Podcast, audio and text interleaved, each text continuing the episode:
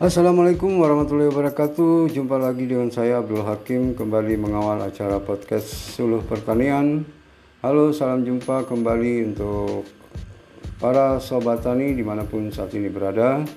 Pada hari ini, dunia sedang memperingati Hari Sedunia atau World Water Day pada hari Senin 22 Maret 2021. Sobat Tani, tema kali ini perlu yaitu following water atau menghargai air. Melansir laman PBB, perayaan ini bermula pada tanggal 22 Desember 1992. Saat itu konferensi Perserikatan Bangsa-bangsa tentang lingkungan dan pembangunan di Rio de Janeiro, Brasil diselenggarakan pada tahun yang sama, Majelis Umum Perserikatan Bangsa-Bangsa memutuskan bahwa tanggal 22 Maret setiap tahunnya akan diperingati sebagai Hari Sedunia. Namun, dalam pertemuan itu diputuskan Hari Sedunia mulai diperingati pada tanggal 22 Maret 1993. Beberapa waktu setelahnya barulah berbagai perayaan dan acara ditambahkan dalam peringatan ini. Misalnya International Year of Cooperation in the Water Sphere atau disebut Tahun Kerjasama Internasional di bidang air yang diadakan 2000 tahun 2013. Selain itu juga perayaan dekade for Action on Water for Sustainable Development atau aksi dekade internasional tentang air untuk pembangunan berkelanjutan dari dengan dekade 2018 hingga 2028 saat ini.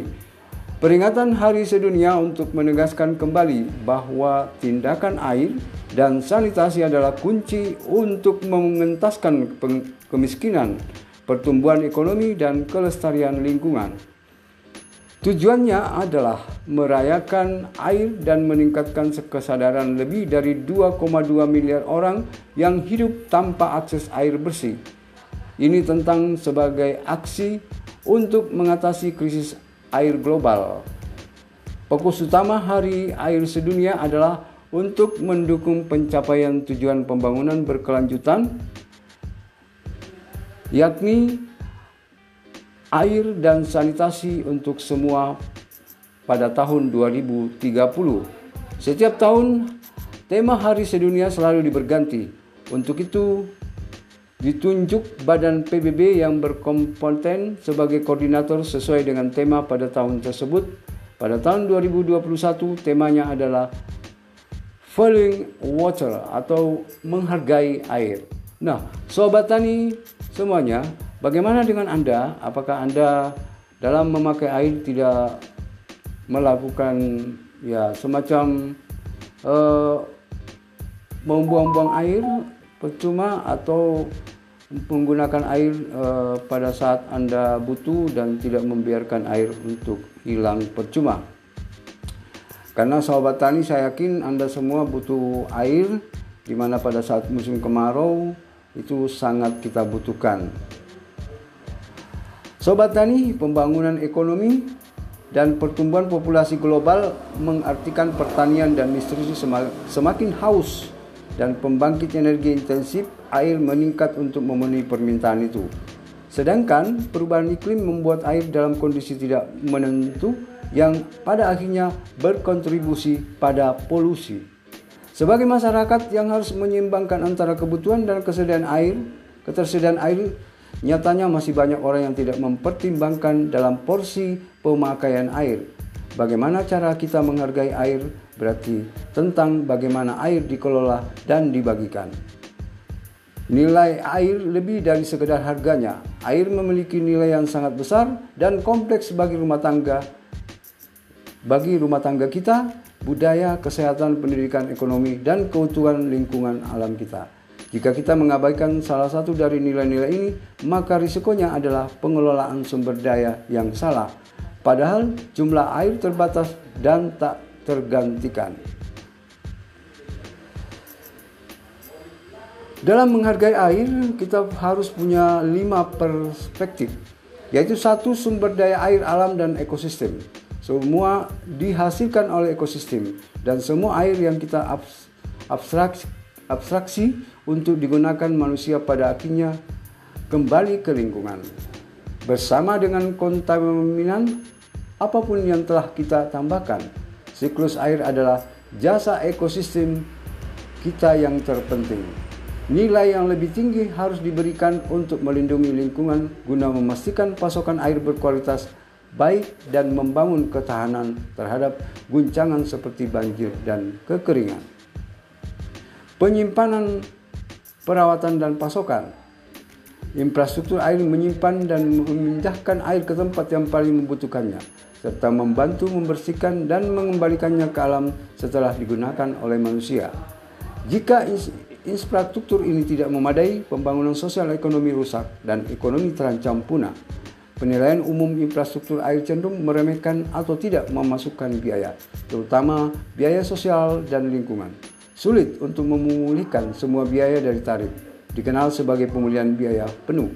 Di banyak negara, hanya sebagian atau seluruh biaya operasional yang dikembalikan dan diinvestasikan sebagai investasi modal ditanggung oleh dana publik. Yang ketiga, air, sanitasi, dan layanan kesehatan. Peran air rumah tangga, sekolah, tempat kerja, dan fasilitas perawatan kesehatan sangat penting.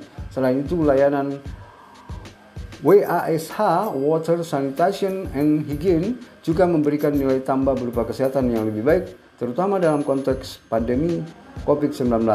Layanan WASH sering disubsidi bahkan di negara berpenghasilan tinggi namun subsidi yang tidak tepat sasaran dapat menguntungkan orang-orang yang dengan orang-orang dengan sambungan air yang ada daripada memperbaiki situasi masyarakat miskin dan kurang terlayani. Yang keempat sebagai input produksi dan kegiatan sosial, pangan dan pertanian. Nah, ini sobat tani sangat penting. Energi dan industri bisnis dan lapangan kerja.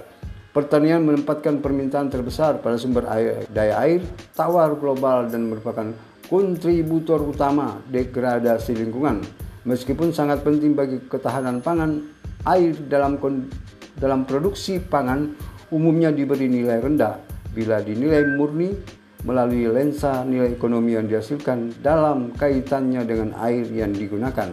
Banyak manfaat yang lebih luas, yakni meningkatkan gizi, menghasilkan pendapatan. Yang kelima, atribut rekreasional, budaya, dan spiritual.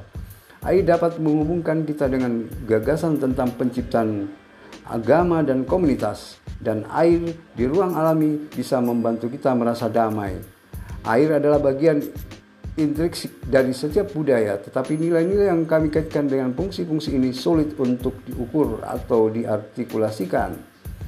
Ilmu ekonomi sering menganggap air sebagai sumber daya untuk penggunaan praktis manusia dan kurang atau sama sekali tidak memperhatikan nilai sosial, sosiokultural atau lingkungannya ada kebutuhan untuk memahami sepenuhnya nilai-nilai budaya di sekitar air dengan melibatkan kelompok pemangku kepentingan yang lebih beragam dalam pengelolaan sumber air.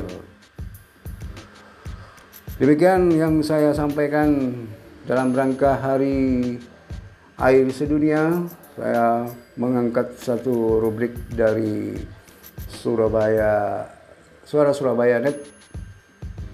Sahabat tani, Di mana pun saat ini kamu mendengarkan podcast Solo Pertanian, mari kita menghemat air, mari kita menjaga kelestarian air.